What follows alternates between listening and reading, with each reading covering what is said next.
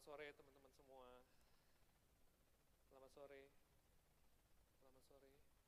Gak ada yang jawab loh di sini. Selamat sore.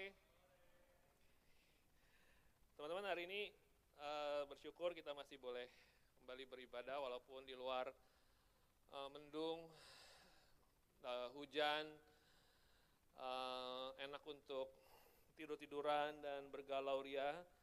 Tapi bersyukur kalau teman-teman uh, memilih untuk beribadah itu karena Tuhan yang menggerakkan kita mencari Dia, untuk menemukan Dia, supaya kita semakin mengenal Dia lebih lagi. Amin. Nah, teman-teman, hari ini aku akan share satu uh, kebenaran firman Tuhan yang aku alami setahun yang terakhir. Ya, aku mengalami ini setahun yang terakhir.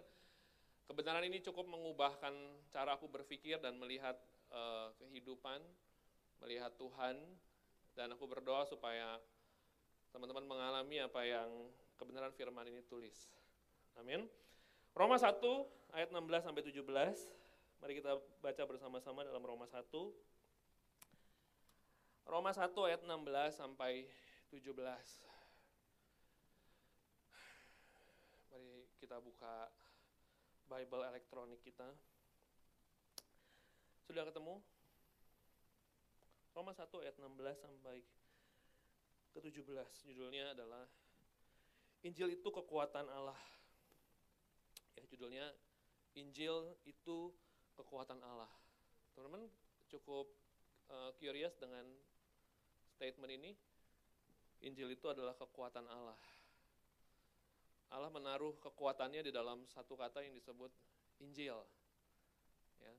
Teman-teman kekuatannya di mana? Kalau Joseph kekuatannya di main musik. Kalau disuruh matematik, gue nggak yakin itu bisa dia. Ya. Ah, kenapa? Oh, kekuatannya di cinta. Ya. Hmm. Good. Hormon ya. Kalau William kekuatannya di mana, Will? William kekuatannya di ini ya. Pengetahuan. Kalau Ongki kekuatannya di mana? Dimakan ya, Ki? Teman bisa menyebutkan di mana kekuatanmu? Setiap orang aku percaya bisa menyebutkan ya. At least satu aja. Di mana engkau berpikir bahwa itulah kekuatanmu. Tetapi ayat ini ngomong, Injil itu kekuatan Allah. Jadi teman-teman mesti coba pay attention dengan dengan statement ini ya. Injil itu adalah kekuatan Allah. Semua kekayaan dan kekuatan Allah ditaruh dalam satu kata yang disebut dengan Injil. Jadi kalau kita mungkin mengalami kuasa daripada sebuah kata yang disebut dengan Injil, pasti kita akan mengalami sebuah kuasa yang besar karena kita bilang bahwa Injil itu kekuatan Allah. Kalau kita menaruh kekuatan kita kepada cara kita berpikir, kalau kita berpikir kekuatan kita ada di dalam skill kita, itu baik untuk kita mengetahui talenta kita, kalau kita menaruh kekuatan kita pada uang kita, itu bukanlah kekuatan yang tanda kutip ya, kekuatan yang sejati. Ya. Itu semu. Kalau kita menaruh kekuatan kita kepada Injil yang disebut sebagai kekuatan Allah, kita akan mengalami betapa besarnya kekuatan itu dalam hidup kita. Amin. Dan ini yang akan aku share kepada teman-teman semua, yang akan aku ceritakan kepada teman-teman semua apa yang aku alami di satu tahun yang terakhir dan bagaimana Tuhan membuat aku mengerti, sedikit mengerti akan hal ini. Nah mari kita baca bersama-sama dalam pasal 1 ayat 16, sebab aku mempunyai, sebab Paulus mempunyai keyakinan yang kokoh dalam Injil. Ya, Paulus berkata dia sebagai rasul, dia memiliki keyakinan yang sangat kuat. Keyakinan yang kokoh. Keyakinan yang kokoh. Ya, Paulus teladan hidup kita, ya dia menaruh keyakinan dia kepada satu kata yang disebut sebagai Injil karena dia bilang Injil adalah kekuatan Allah. Jadi teman-teman hari ini mari kita belajar kebenaran ini supaya kita pun bisa menaruh kekuatan kita sama seperti Paulus menaruh kekuatannya, kepercayaannya dengan kokoh kepada satu kata yang disebut Injil. Oke? Karena Paulus sendiri kalau kalau kalau rasul yang kita teladani adalah menaruh kepercayaannya, keyakinannya kepada dengan kokoh, dengan kuat kepada Injil. Tetapi kalau kita tidak menaruh kepercayaan kita yang dengan kokoh dan kuat juga kepada Injil, pertanyaannya dengan apa hari ini kita menaruh kepercayaan kita? Dan seberapa rapuhnya kita kalau kita tidak mengikuti sebagaimana juga Paulus menaruh kepercayaannya yang kokoh. Mengerti maksudnya? Paulus berkata, aku mempunyai keyakinan yang kokoh dalam Injil. Karena apa? Injil adalah kekuatan Allah yang menyelamatkan setiap orang yang percaya. Pertama-tama orang Yahudi, tetapi juga orang Yunani. Ya, Paulus dia bilang dia memiliki keyakinan yang kuat akan Injil. Teman-teman kita punya keyakinan yang kokoh akan apa? Ya. Dan Paulus berkata, kenapa? Karena Injil adalah kekuatan Allah yang menyelamatkan. Kita diselamatkan semua karena Injil ya. Teman-teman, kita ada di sini semua karena kita pernah mendengar kabar baik bahwa ada Kristus yang mati mengasihi kita, dia bangkit bagi kita, benar? Kalau kita ditanya, kenapa kita ada hari ini? Jawaban yang paling seharusnya kita sampaikan adalah, karena aku mendengar sebuah berita baik. Kristus yang mengasihi aku, dia mati bagiku dan dia menyerahkan segalanya bagiku. Kalau jawaban kita bukan itu, maka sia-sialah iman kekristenan kita. Kalau jawaban kita, mengapa sampai hari ini kita mengikut Tuhan, itu di luar daripada karena Kristus yang mati bagiku, mengasihiku, dan bangkit bagiku, maka sia-sialah iman kekristenan kita. Teman-teman, apakah sampai hari ini kita masih mengingat Kristus yang mati bagi kita? Kalau enggak sia-sia kekristenan kita. Kenapa kita main musik? Kenapa kita melayani hari ini? Kenapa kita ada di komsel melayani? Ada teman-teman yang jungkir balik pelayanan memuridkan segala macam. Jawaban kita harus satu. Karena Kristus yang mati bagiku, mengasihiku, menyerahkan segala-galanya bagiku. Mati tergantung di kayu salib. Teman-teman, apakah kisah kematian dan kebangkitan Kristus masih menjadi cerita yang paling baik dalam hidupmu? Hari ini kita akan belajar hal itu bersama-sama. Dan Paulus berkata, aku memiliki keyakinan yang kokoh di dalam Injil, karena Injil adalah kekuatan Allah yang menyelamatkan. Hari ini kita diselamatkan karena kita mendengar kabar baik Injil, amin. Ya, kalau teman-teman sungguh-sungguh ya mendengar kabar baik Injil dan menjadi percaya karenanya. Dan kita juga percaya suatu ketika nanti kita akan bersama dengan Kristus dalam kekekalan. Jadi betapa hebat kuasa yang membawa kita sampai kepada kekekalan. Kita kita keliling dunia aja nggak bisa ya.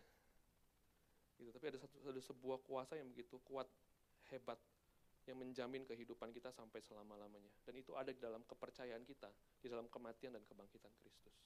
Dan itu yang membuat Paulus berkata, yang aku percaya dengan kokoh hanyalah Injil. Kuasa kematian dan kebangkitannya. Dan Paulus juga berkata di ayat yang ke-17, sebab di dalamnya nyata kebenaran Allah yang bertolak dari iman dan memimpin kepada iman, seperti ada tertulis orang benar akan hidup oleh iman. Jadi Paulus berkata yang pertama gini, dia punya keyakinan yang kokoh kepada Injil karena Injil itu yang menyelamatkan dia. Yang buat dia itu mati tapi juga dibangkitkan. Teman kita percaya suatu ketika nanti kita dibangkitkan bersama dengan Kristus ya. Percaya nggak betapa hebat kuasanya? Kita juga percaya bahwa hidup kita yang juga sudah sudah mati binasa ini, suatu ketika kita akan berjumpa dengan Kristus kita muka dengan muka. Dan Paulus berkata itu karena berita Injil, dia bilang. Tapi yang kedua dia bilang dia memiliki keyakinan yang kokoh akan Injil. Kenapa? Karena dia bilang gini, karena dari kebenaran Injil kita akan berjalan daripada iman kepada iman.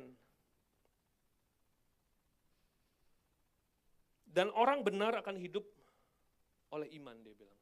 Jadi berita tentang kematian dan kebangkitan Kristus yang pernah kita terima dan yang kita percaya telah menyelamatkan kita, bukan hanya stop sampai di situ, tetapi juga seharusnya menjadi dasar semua hal yang kita lakukan. Makanya kalau Timothy Keller berkata begini bahwa Injil itu bukanlah sebuah doktrin minimal kita masuk sorga. Injil itu bukanlah sebuah doktrin, ya gini, ya gue udah ikut SPK sesi 1, sesi 2, gue ngerti Injil. Habis itu apa lagi? Gue mesti belajar apa lagi? Mana yang lebih canggih lagi gitu kan? Tapi Paulus nggak berkata begitu. Paulus berkata gini, kalau kamu mau bertumbuh daripada iman kepada iman, kamu kamu mesti terus ada dalam kepercayaanmu kepada kematian dan kebangkitan Kristus dalam hidupmu. Aku men, aku mengamati teman-teman dalam kehidupan kita. Kenapa orang sulit sekali semakin lama semakin mendekat kepada Kristus. Kita ambil contoh sehari-hari ya. Kenapa iman kita tidak bertumbuh, kenapa iman pengenalan kita kepada Tuhan tidak semakin bertumbuh? Atau kenapa hubungan kita dengan Tuhan tidak semakin baik? Kenapa kita tidak semakin mengasihi Tuhan? Karena mungkin kita lupa Kristus yang mati bagi kita.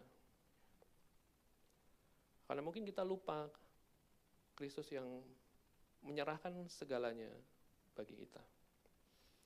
Kenapa hari ini kita berhenti melayani Tuhan? Kenapa kita susah sekali melayani Tuhan?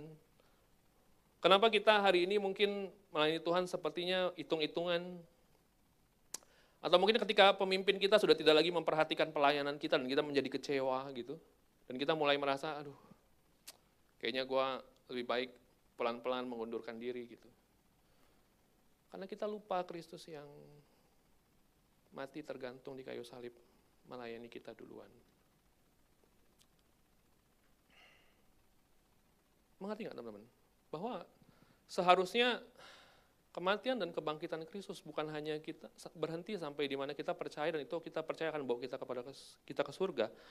Tetapi seharusnya kematian dan kebangkitan Kristus menjadi dasar semua hal. Kita melakukan segala hal di dalam kerajaan Allah. Kenapa kamu melayani Tuhan? bukan karena disuruh pemimpinmu. Kenapa kamu melayani Tuhan? Bukan karena kamu mengisi waktu kosongmu. Kamu melayani Tuhan karena kamu tahu kamu telah dibeli dan hidupmu ditebus oleh Kristus. Dan gue grateful. Jadi orang mau perhatikan kamu pelayanan, orang gak perhatikan, gak jadi pusing karena kamu tahu. Aku pelayanan karena Kristus mati bagiku. Kenapa kita sulit untuk melepaskan berhala-berhala dalam hati kita, dalam kehidupan kita? Aku ketemu dengan satu orang, dia bilang gini, aku nggak mau lepasin dosa aku. Aku bilang sama dia, berarti kamu nggak tahu Kristus yang mati bagimu. Berarti kamu nggak tahu Kristus yang pikul salib dan cium salibnya untuk kamu. Berarti kamu lupa Kristus yang telanjang digantung di kayu salib bagimu. Sehingga dengan mudah kamu berkata, saya nggak mau melepaskan dosa. Teman-teman seharusnya setiap hari kita mengingat kematian dan kebangkitan Kristus, Kristus yang mati bagi kita. Seharusnya kematian Kristus menjadi dasar dari semua hal yang kita lakukan. Baru kita akan mengalami pertumbuhan demi pertumbuhan di dalam perjalanan kita mengikut Kristus. Segala sesuatu, langkah demi langkah yang kita lakukan tanpa didasari oleh karena Kristus yang mati bagi kita, itu adalah langkah yang sia-sia. Kalau kita pelayanan hari ini bukan karena Kristus yang mati bagimu, sia-sia pelayananmu. Kalau engkau hari ini mengikut Tuhan bukan karena kamu tahu bahwa Kristus telah menebus hidupmu, sia-sia prosesmu mengikut Tuhan. Halo, semua hal yang tidak didasari oleh karena kematian Kristus bagimu, sia-sialah iman kekristenanmu. Teman-teman hari ini, seberapa sering kita mengingat Kristus yang mati bagi kita. Gue di awal-awal gue PDKT sama pasangan gue ya. Waktu masih PDKT ya. Kayaknya beberapa kata-kata di WA itu sering kali dibaca berkali-kali gitu. Kayaknya dia mau nih sama gue. Tapi ternyata dia memang mau gitu nggak tahu pada saat itu ada kuasa apa yang membutakan mata dia. Saya baca lagi berkali-kali ya Joseph ya.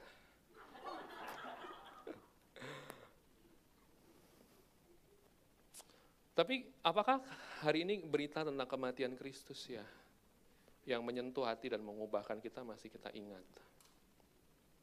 Ya. Sehingga teman-teman hari ini Paulus berkata, dia memiliki keyakinan yang kokoh di dalam Injil karena Injil adalah Ya, bukan hanya membawa dia kepada keselamatan, tapi juga menyelamatkan dia daripada ego, daripada dosa setiap hari. Setiap hari. Dan itu yang akan membawa dia kepada satu progres iman, kepada progres iman yang lain. Dari satu iman kepada iman yang lain, dari satu iman kepada iman yang lain. Dan tanpa kita mengerti dan tanpa kita mengalami kuasa kematian dan kasih Kristus yang besar dalam hidup kita, maka sia-sialah semua yang kita lakukan di dalam Kristus. Di dalam iman kita. Iman kita tanpa kematian dan kebangkitan Kristus adalah iman yang kosong. Makanya penting bagi kita untuk kita semakin mengingat apa yang Kristus telah lakukan dalam hidup kita. Ya, mari kita berdoa Bapak di surga, terima kasih bahwa kami mengerti kuasa kematian dan kebangkitanmu. Berikan kami roh hikmat dan wahyu untuk mengenalmu dengan benar, supaya kami dapat mengerti pengharapan yang Tuhan sediakan bagi kami, pengharapan dan kemuliaan bahwa kami bisa semakin serupa dengan Engkau. Tuhan jadikan mata hati kami terang, karena kami tidak dapat mengerti kebenaran tanpa rohmu yang menyingkapkan kepada kami. Dalam nama Yesus. Amin. Hmm, itu baru pembuka. ya. Nah pertanyaannya, pertanyaannya, apakah Injil itu? Pertanyaannya apakah Injil itu? Paulus berkata, aku mempunyai keyakinan yang kokoh di dalam Injil. Injil bukan hanya sebuah pintu jalan masuk ke sorga, tapi Injil juga sebuah progres dalam kerajaan Allah. Setiap langkah demi langkah demi langkah hanya kita bisa tempuh ketika kita mengerti tentang kebenaran Injil. Nah pertanyaannya apakah Injil itu? Ya. Injil bukanlah sebuah advice, bukanlah sebuah nasihat. Injil bukan bicara tentang kamu harus begini, kamu harus begitu. Bukan. Injil itu sebuah kabar baik. Sebuah kabar baik bahwa kasih Kristus melalui kehidupan, kematian, dan kebangkitannya akan mengubahkan seluruh ciptaan ini termasuk kehidupan kita sampai kita mengalami kemuliaan. Ulangi ya. Injil itu sebuah kabar kisah kasih Kristus melalui kematiannya, melalui penguburannya, melalui kebangkitannya, yang akan mengubahkan seluruh cerita kehidupan kita. Cerita hidup lu yang galau, cerita hidup lu yang suram. Semua cerita hidup lu akan diubahkan, diperbaharui, sampai lu tampil di dalam kemuliaan.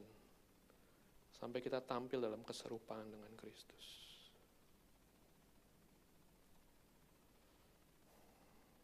Aku mengerti ini ketika tahun lalu ada sebuah kejadian dalam hidup aku ya. Aku dulu berpikir aku harus jadi seperti Kristus. Kita semua tahu ya, apalagi kita di gereja ini ya.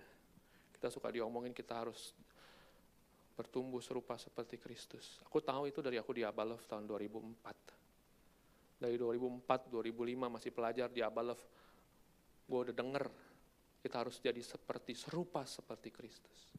Semua pernah dengar? Pernah mendengar itu di mimbar atau pemuridmu bilang, kamu harus semakin serupa dengan Kristus. Tapi aku, aku, aku memberi sebuah pertanyaan begini. Sungguhkah engkau mau menjadi serupa seperti Kristus?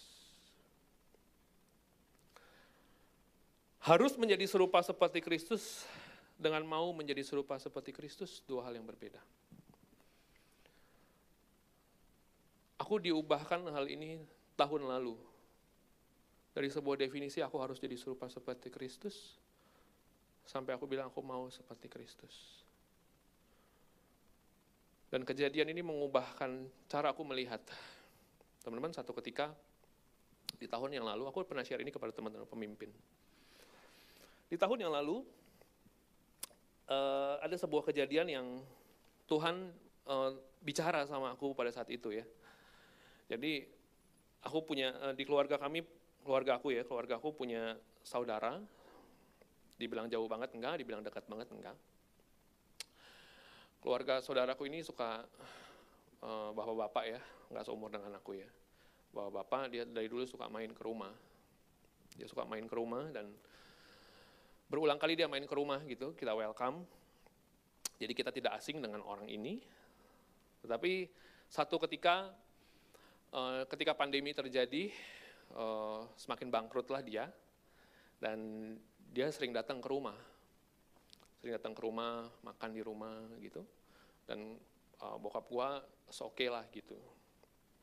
Sampai berulang kali berulang kali dia ada di rumah kami, kemudian karena orang ini pandemi membuat dia stres, kehilangan banyak hal. Semakin stres lah dia, semakin depresinya depresi lah dia. Sampai satu ketika uh, dia nginep berhari-hari di rumah di rumahku ya. Dia nginep berhari-hari, tapi kita tahu karena ini orang sudah homeless, sudah nggak punya apa-apa, ya oke okay lah gitu ya. Satu ketika, singkat cerita orang ini uh, keluar dari rumah, dia pergi dari rumah, dari rumahku ya. Dia pergi dari rumahku dalam keadaan nggak punya apa pun, uangnya cuma ada 5 ribu, uh, dia pergi dalam keadaan yang sudah depres, um, pikirannya udah ke mana-mana, takut, stres gitu. Akhirnya dia pergi, satu dua hari dia nggak kembali, uh, bokap gue berpikir, ya udahlah dia nggak tahu ke mana gitu. Ada satu hari di mana hari Minggu, aku pergi lagi itu jalan-jalan sama beberapa teman-teman leader. Malam kita baru pulang. Nah, aku ingat di malam itu uh, aku mesti uh, aku pulang, kita pulang gitu ya. Terus aku antar salah satu leader ya, aku antar Karina lagi itu pulang. Rumahnya di Senen sana ya. Nah, aku ingat waktu Bas mau pulang gitu, aku bilang sama Karina, kita aku lewat mana ya gitu. Terus Karina bilang lewat Gunung Sari bisa atau lewat uh, industri bisa. So aku pikir ya lewat Gunung Sari aja lah, ya kan lebih dekat. Waktu aku lewat di akhirnya aku pulang gitu ya aku lewat di jalan di Gunung Sari itu oh aku lihat ada polisi ramai sekali. Polisi ramai sekali di pinggir kali Gunung Sari situ. Wah razia nih gitu. Tapi aku kan e, pemimpin yang taat dan patuh kepada surat-surat yang harus ada di kantong. Jadi pede aja kan pede aja jalan gitu. So aku nengok gitu kok gue nggak dipanggil panggil ya gitu Pas aku lewat aku ingat, aku nengok gitu, oh rame banget gitu, rame banget orang di situ. Aku pulang sampai di rumah, kan rumahku di Mangga Besar. Rumah ya, bukan tempat nongkrong ya. Rumah ya. Rumahku di Mangga Besar. Aku pulang. Tahu aja. Aku pulang, terus aku bilang sama papaku gini, papi, tadi itu ada razia gitu Oh ya lu nggak apa-apa? Enggak, nggak apa-apa. Rame banget tuh di kali situ. Udah, aku duduk, mau makan. Pas mau makan ada orang ketok rumah. Gitu. Pas buka pintu, orang ini bilang gini, kenal bapak ini? Kenal. Tahu terakhir dia di mana? Terakhir dia di rumah kita. Tapi dua hari dia udah nggak pulang. Boleh ikut ke kantor?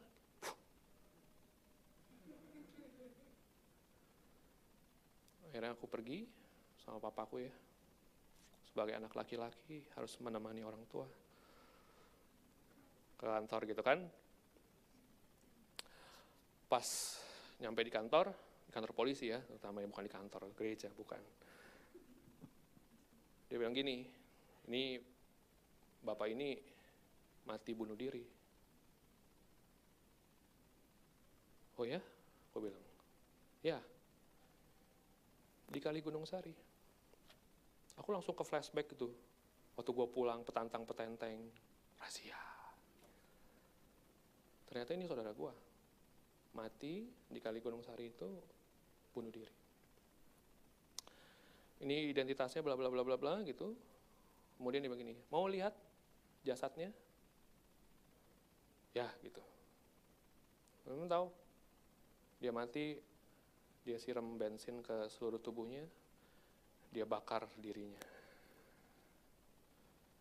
Waktu aku melihat jasadnya, kamu tahu, dia itu lagi musruk di selokan, setengah badannya itu sudah hangus, kosong, kosong, tahu, kosong gitu ya. Kayak, udah kayak arang gitu hitam. Mukanya udah gosong semua, lagi ngusruk di got, di foto sebulan setelah itu gue nggak bisa lupa gitu terus kepikir gitu. Sebulan gue gak berani lewat Gunung Sari situ. Tapi gue lihat itu, lo pernah lihat orang mati nggak wajar ya?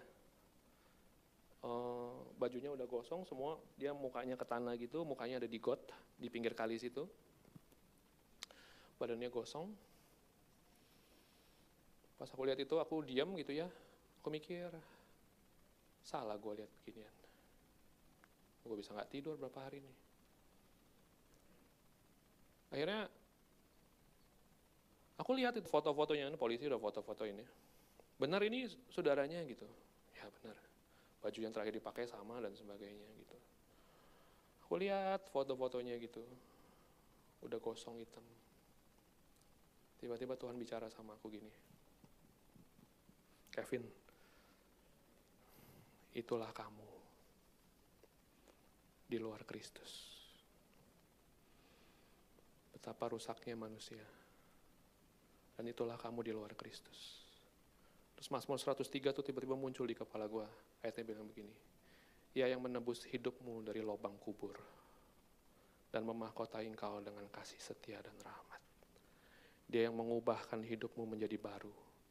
Seperti burung Raja Wali. Waktu aku lihat mayat itu ya. Tuhan bilang gini. Itulah engkau di dalam dosa. Itulah keadaanmu di mana aku menebusmu Mazmur 103 tuh muter di kepala gue. Dia bilang, aku yang menebus hidupmu dari lubang kubur. Yang memahkotai engkau dengan kasih setia dan rahmat. Aku pulang, aku duduk di kantor polisi. Kantor polisi itu ada banyak CCTV. Karena di kantor polisi itu di bawahnya ada penjara. Aku lihat ya, polisi itu malam-malam ya datang ke sel itu ya, digedor-gedor. Tidur gitu. Aku lihat di CCTV, Terus Tuhan ngomong di hati aku, itulah manusia rusak karena dosa dan pelanggarannya. Bukan hanya di dalam sel, tapi mati, binasa. Aku pulang lagi itu malam itu, jam 2 pagi aku pulang. Aku pejamkan mata di kamar ya. Aku gak bisa lupa tuh. Orang mati gosong kayak gitu. Gak bisa tidur malam itu. Waktu aku nggak bisa tidur ya itu muter terus. Tuhan taruh di hati aku dia bilang begini. Aku mati bagi kamu. Aku mati bagimu di saat kamu seperti itu. Teman tahu, waktu tahun 2004 aku bertobat. Aku terima Yesus pertama kali, aku ingat. Aku taruh tangan di dada, aku bangkit berdiri waktu di kelas SPK tahun 2004. Di waktu itu aku tahu aku adalah anak yang broken home, keluarga aku hancur. Waktu aku terima Yesus pada saat itu, Tuhan Yesus kasih aku gambar. Aku tuh lagi di dalam got. Aku ingat gambar ini. Aku tuh di dalam got. Badan aku tuh bau, kotor. Tapi Kristus kasih tangannya sama aku. Ini kisah pertobatan aku pertama kali terima Yesus. Tuhan kasih tangannya kepada aku, dia tarik aku dari got. Dia bersihin muka aku. Dia bersihin. Dan aku ingat gambar itu yang mengubahkan aku semenjak hari itu. Aku mengikuti dia. Aku ingat aku nangis di tembok di Speed Plaza itu. Aku nangis gitu. Pembina aku nanya kenapa kamu? Aku bilang aku lihat aku tuh banyak dosanya. Kayak di kayak orang masuk ke got. Siapa orang yang mau pegang masuk nyemplung air got? Tapi Tuhanku melakukan itu bagiku dia mati bagiku di saat aku masih berdosa teman-teman kejadian itu di malam itu membuat aku ingat Waktu aku lihat terus kebayang itu ya gambar mayat yang mati itu ya. Tiba-tiba Tuhan bawa aku melihat dia yang mati tergantung di kayu salib. Aku tuh malam itu aku tuh lihat gitu. Aku nggak bisa tidur ya, aku cuma merem, aku bilang, aku aku aku membayangkan Kristus yang mati, Kristus yang telanjang di kayu salib bagi bagi hidupku. Aku tuh seperti membayangkan ketika aku datang kepada Kristus ya, aku datang sama Tuhan. Aku, jadi di malam itu tuh aku cuma cuma melihat kepada salib Kristus. Di kayu salib itu Kristus telanjang, darahnya semua mengalir gitu. Tapi di waktu itu aku teringat semua dosa-dosa Gua yang sombong, gua yang kalau ngomong sama orang kadang gue berpikir, ini orang nggak ada artinya, ini orang nggak tahu apa-apa gitu. Semua keinget dosa-dosa aku ya. Kayak di malam itu muter semua dosa-dosa aku tuh Tuhan kayak reveal semua. Tapi waktu aku, tapi di waktu yang sama aku tuh lagi aku tuh ngelihat kepada Kristus yang tergantung di kayu salib gitu loh. Darahnya ngalir gitu di kayu salib itu semua darah mengalir. Dan aku ingat dosa-dosa aku semua. Waktu gua asumsi sama banyak orang, Waktu gue tertekan tapi gue tidak mencari Tuhan. Waktu gue harus datang kepada Tuhan tapi gue bilang, enggak, gue nggak lagi pengen cari Tuhan. Waktu gue lagi dalam trouble, gue memilih untuk kayaknya gue bisa cari orang lain. Gue ingat di waktu itu tahun lalu, di waktu gue lagi berpikir tentang ingin lagi itu kita lagi proses persiapan uh, mau menikah, lagi prepare ini itu untuk merit, terus gue lihat hidup gue ya, gue begitu khawatir uang gue cukup atau enggak, gue bisa hidup atau enggak nanti ketika setelah menikah, terus gue banyak takut, gue banyak khawatir, berkali-kali gue bergumul, ketakutan nggak punya uang, berkali-kali gue tuh jatuh bangun hati gue karena gimana ya uang gitu, gimana uang, gimana uang, gimana uang. Itu keputar semua di, di malam itu. Waktu gue berpikir yang najis, semua keluar. Waktu gue curiga sama orang, waktu gue nggak submit sama pemimpin di atas gue, semua keluar. Waktu gue punya banyak sekali kebobrokan di hati yang tidak ada siapa pun yang tahu, itu seperti keluar ke permukaan semua. Hidden-hidden agenda, motif tersembunyi, pikiran yang jahat, pikiran yang kotor. Seperti keluar semua. Sampai gue tuh di malam itu gue kayak gak bisa tahan ya. Tapi di waktu yang sama, gue tuh melihat Kristus yang tergantung di kayu salib. Karena di malam itu gue pertama kali gue merasa gini, gue tuh jijik sekali dengan semua dosa yang gue buat. Cici sekali. Gue bisa tampil di depan sebagai pemimpin, berkhotbah, tapi dalamnya hati cuma engkau yang tahu. Dan di, dan di malam itu Tuhan Tuhan tuh Tuhan tuh bongkar hati gue gitu. Sampai gue ngeliat diri gue tuh berantakan ya Tuhan ya hidup gue ternyata. Gak seperti yang ditampilkan. Tapi di waktu yang sama, di malam itu Kristus bilang sama gue, aku mati bagimu di saat engkau berdosa. Lalu pernah merasa begitu jijik dengan dosa-dosamu? Tapi di situ pertama kali gue bilang sama Tuhan, Tuhan, saya mau semakin seperti engkau. Saya mau semakin seperti engkau.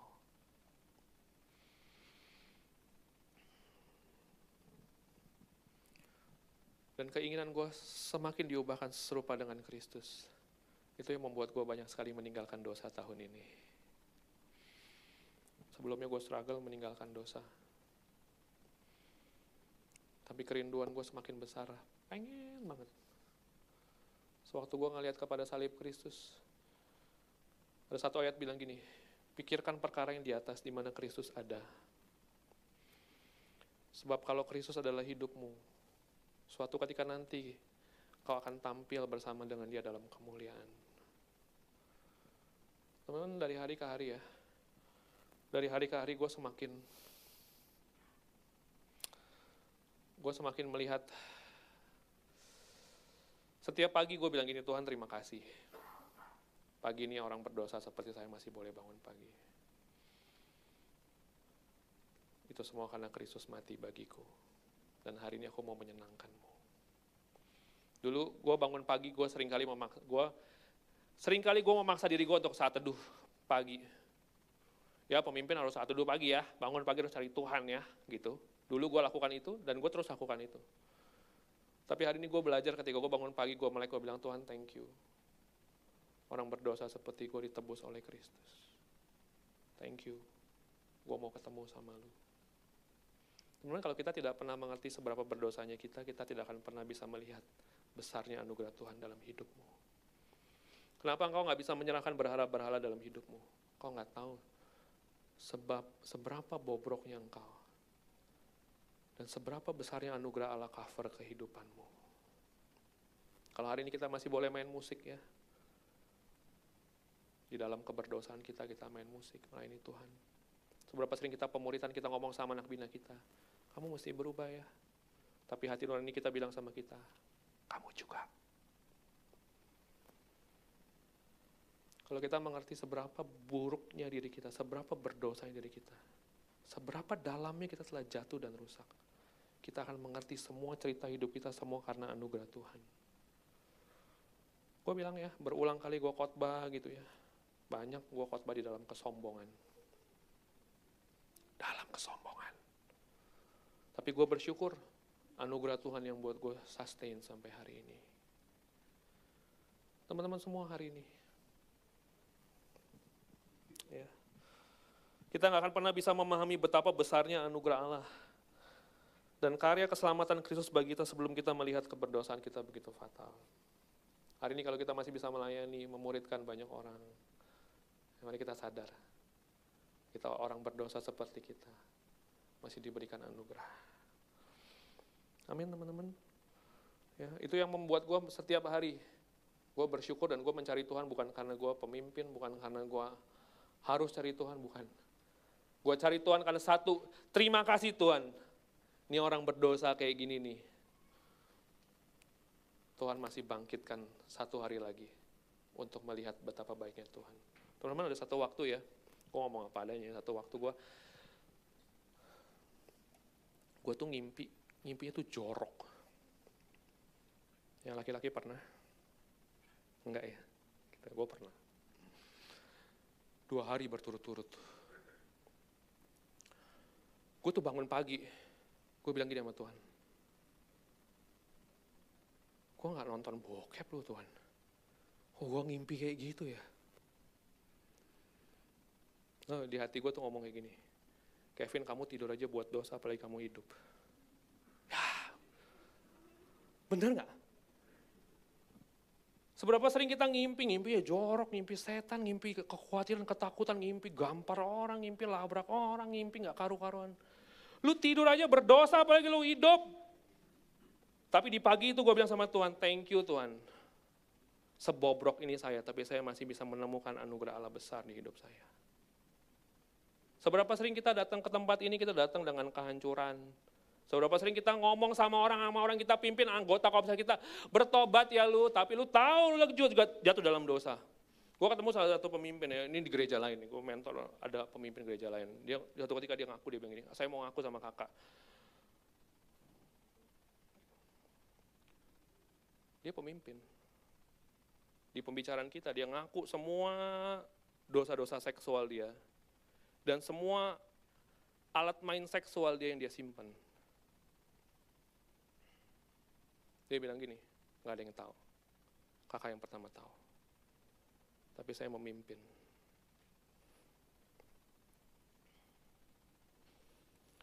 Seorang teolog E.W. Towson bilang gini, tidak ada dosa yang mengagetkan Tuhan. Dia tahu dosa kita yang kemarin, dia tahu dosa kita yang hari ini, dia tahu dosa yang kita yang akan datang. Toh dia tetap mati buat engkau.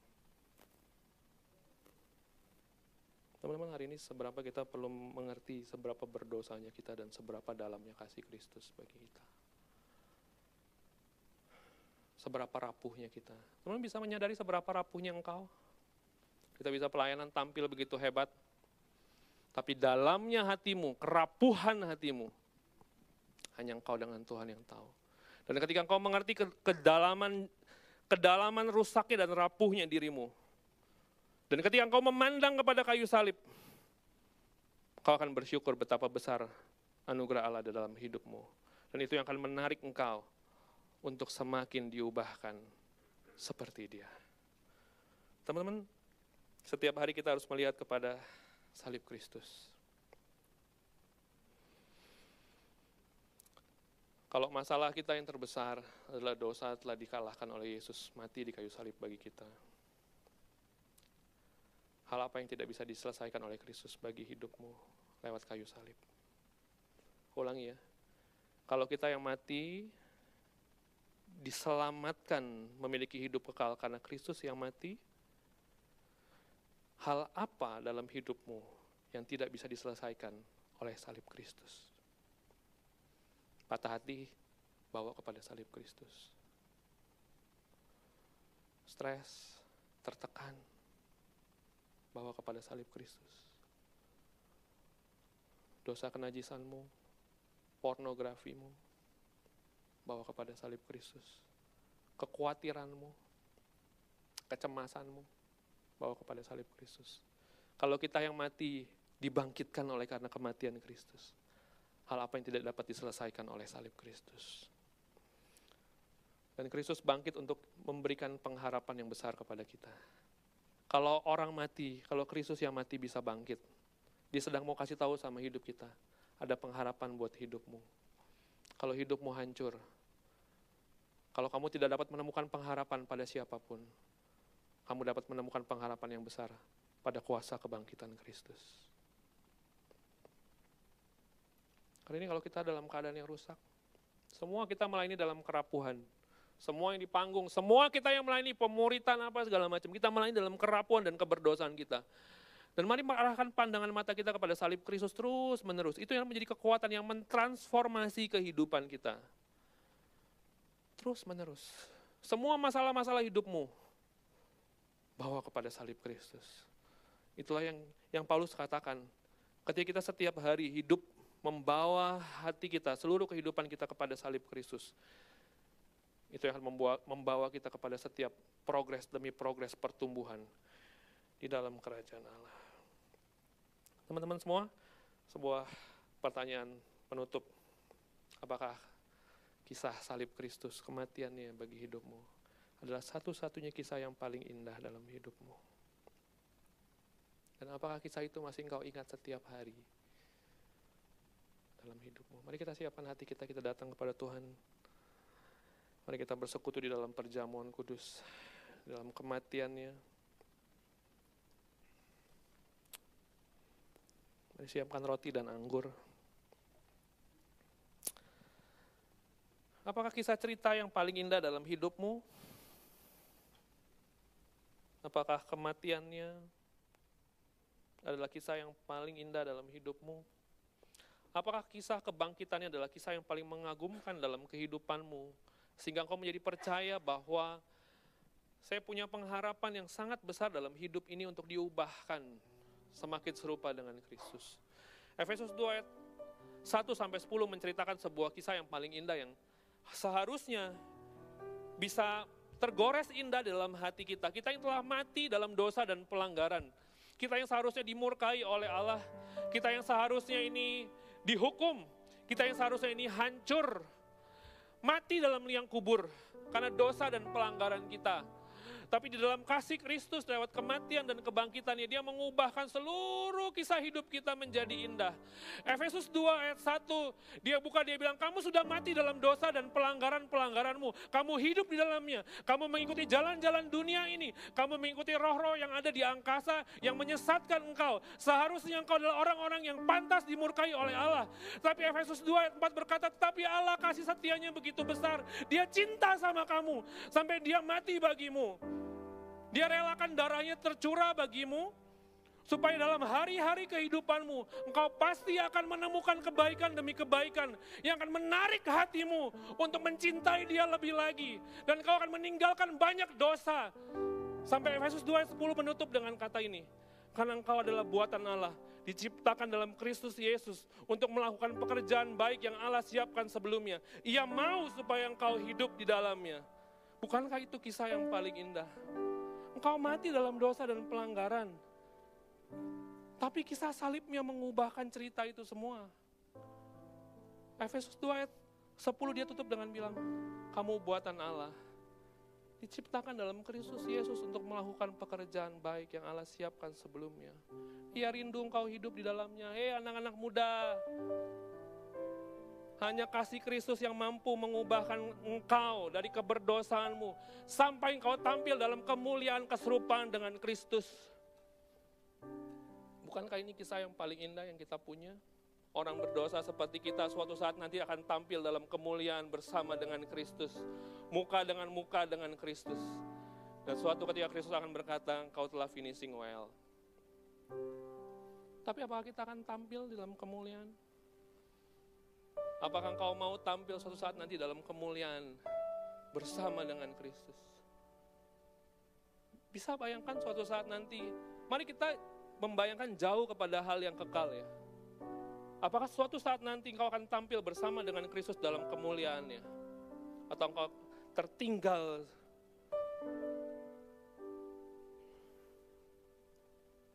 Kalau kita mengejar apa yang sementara di dunia ini, kita tidak akan pernah tampil bersama dengan dia dalam kemuliaan. Teman-teman, setiap pagi gue membangunkan diri gue, Kevin kamu orang berdosa yang telah ditebus oleh Kristus. Lihat kepada salib Kristus. Karena lewat kematiannya, kamu akan diubahkan. Semakin lama serupa dengan dia. Kau akan tampil dalam kemuliaan. Pejamkan mata kita, terima kasih Tuhan. Mari katakan terima kasih Tuhan. Orang berdosa seperti saya hari ini masih boleh ibadah. Thank you Tuhan, orang berdosa kayak saya ini masih boleh pelayanan. Thank you. Tuhan orang berdosa seperti saya masih boleh terima anugerah. Thank you Tuhan, saya nggak mati ketika saya menghadap Engkau. Tapi berulang kali saya nggak menghargai anugerah Allah besar dalam hidup saya. Mari kita berterima kasih kepada Tuhan, anugerahnya besar dalam hidup kita. Mari kita lihat betapa hebatnya kuasanya yang akan mengubahkan kita seluruh cerita hidup kita oleh kuasa kematian dan kebangkitannya. Terima kasih Tuhan, mari kita nyanyikan lagu ini, kita ingat kematiannya bagi kita. Terima kasih Tuhan.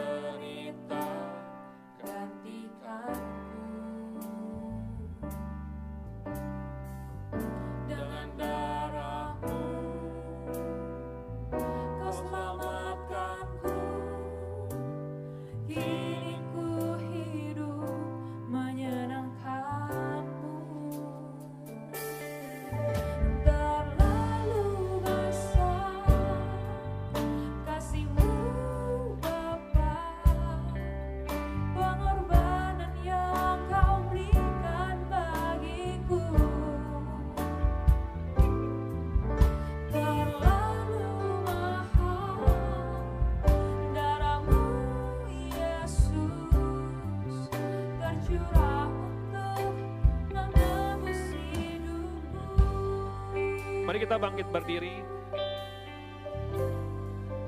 Terima kasih Tuhan. Telah kulihat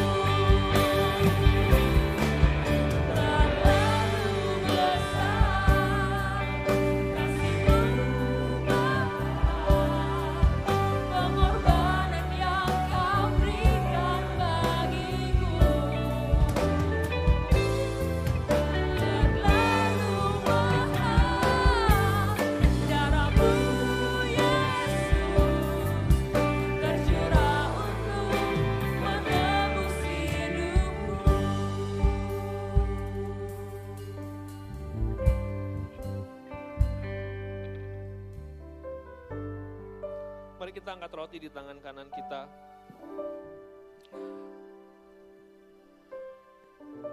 Mari kita bersyukur. Katakan Tuhan terima kasih Engkau tebus orang berdosa seperti saya.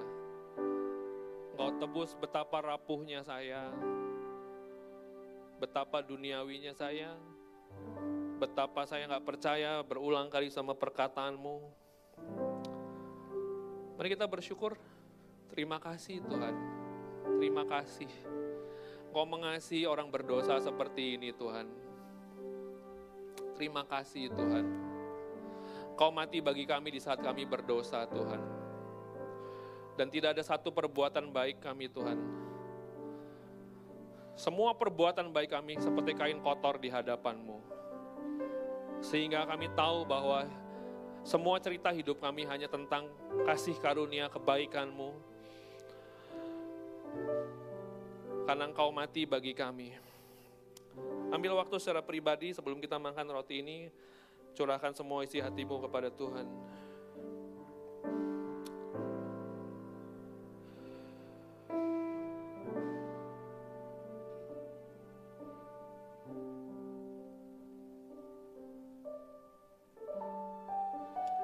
Biarkan ini waktu yang begitu pribadi, begitu personal. Kita diselamatkan karena kematiannya. Dan kita akan diubahkan juga karena kematian dan kebangkitannya. Mari kita angkat roti ini, terima kasih Tuhan. Waktu kami angkat roti ini, kami mengingat tubuhmu hancur bagi kami Tuhan.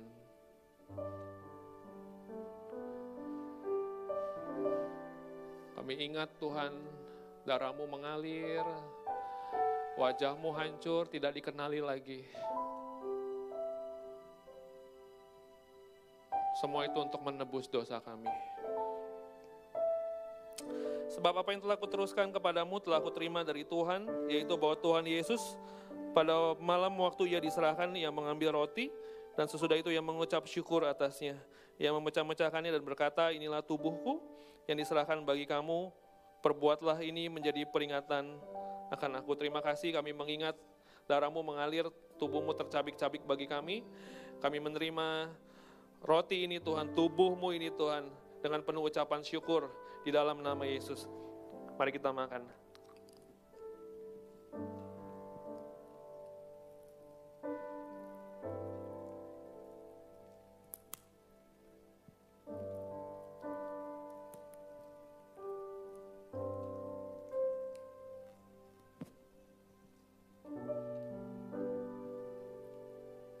Kita angkat anggur ini di tangan kanan kita.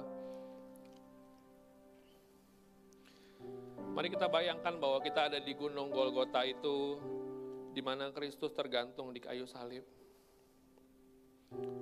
Mari kita bayangkan kita datang ke hadapan Kristus yang tergantung di atas kayu salib. Kita lihat wajahnya hancur, tubuhnya sudah hancur. Kita lihat darahnya mengalir, menetes membasahi seluruh tubuhnya.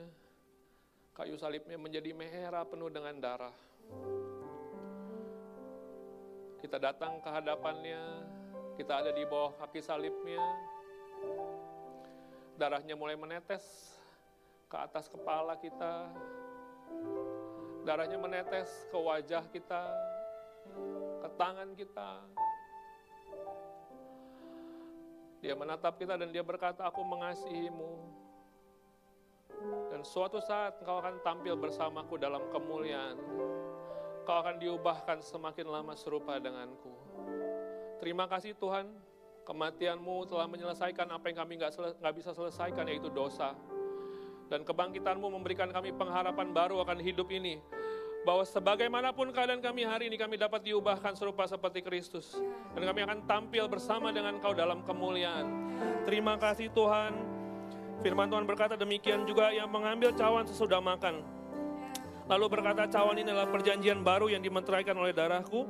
Perbuatlah ini setiap kali kamu meminumnya menjadi peringatan akan aku. Mari kita minum darah ini di dalam nama Yesus. Mari kita bersyukur kepada Tuhan. Terima kasih Tuhan. Terima kasih Tuhan kau mati bagi kami di saat kami berdosa Tuhan. Parlare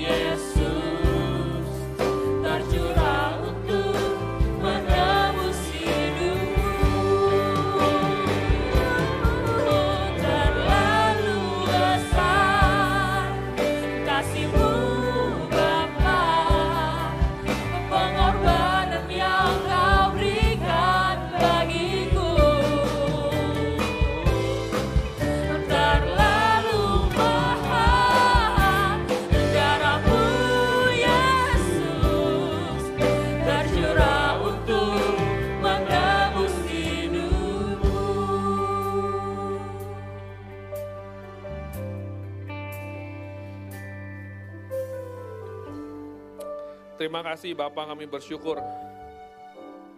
Kami tahu seberapa dalam kau mengasihi kami ketika kami melihat seberapa besar pengorbanan Kristus bagi kami. Terima kasih buat Injil Yesus Kristus yang menyelamatkan kami, bukan hanya menyelamatkan kami, tapi mengubahkan hidup kami setiap hari, cerita hidup kami akan berubah. Suatu ketika kami akan tampil bersama dengan kau dalam kemuliaan, yaitu keserupaan dengan Kristus. Terima kasih arahkan hati kami, mata kami hanya kepada salibmu, kuasa kematian dan kebangkitanmu, karena itulah kekuatan yang akan mengubahkan seluruh hidup kami. Dalam nama Yesus kami telah berdoa. Amin. Amin.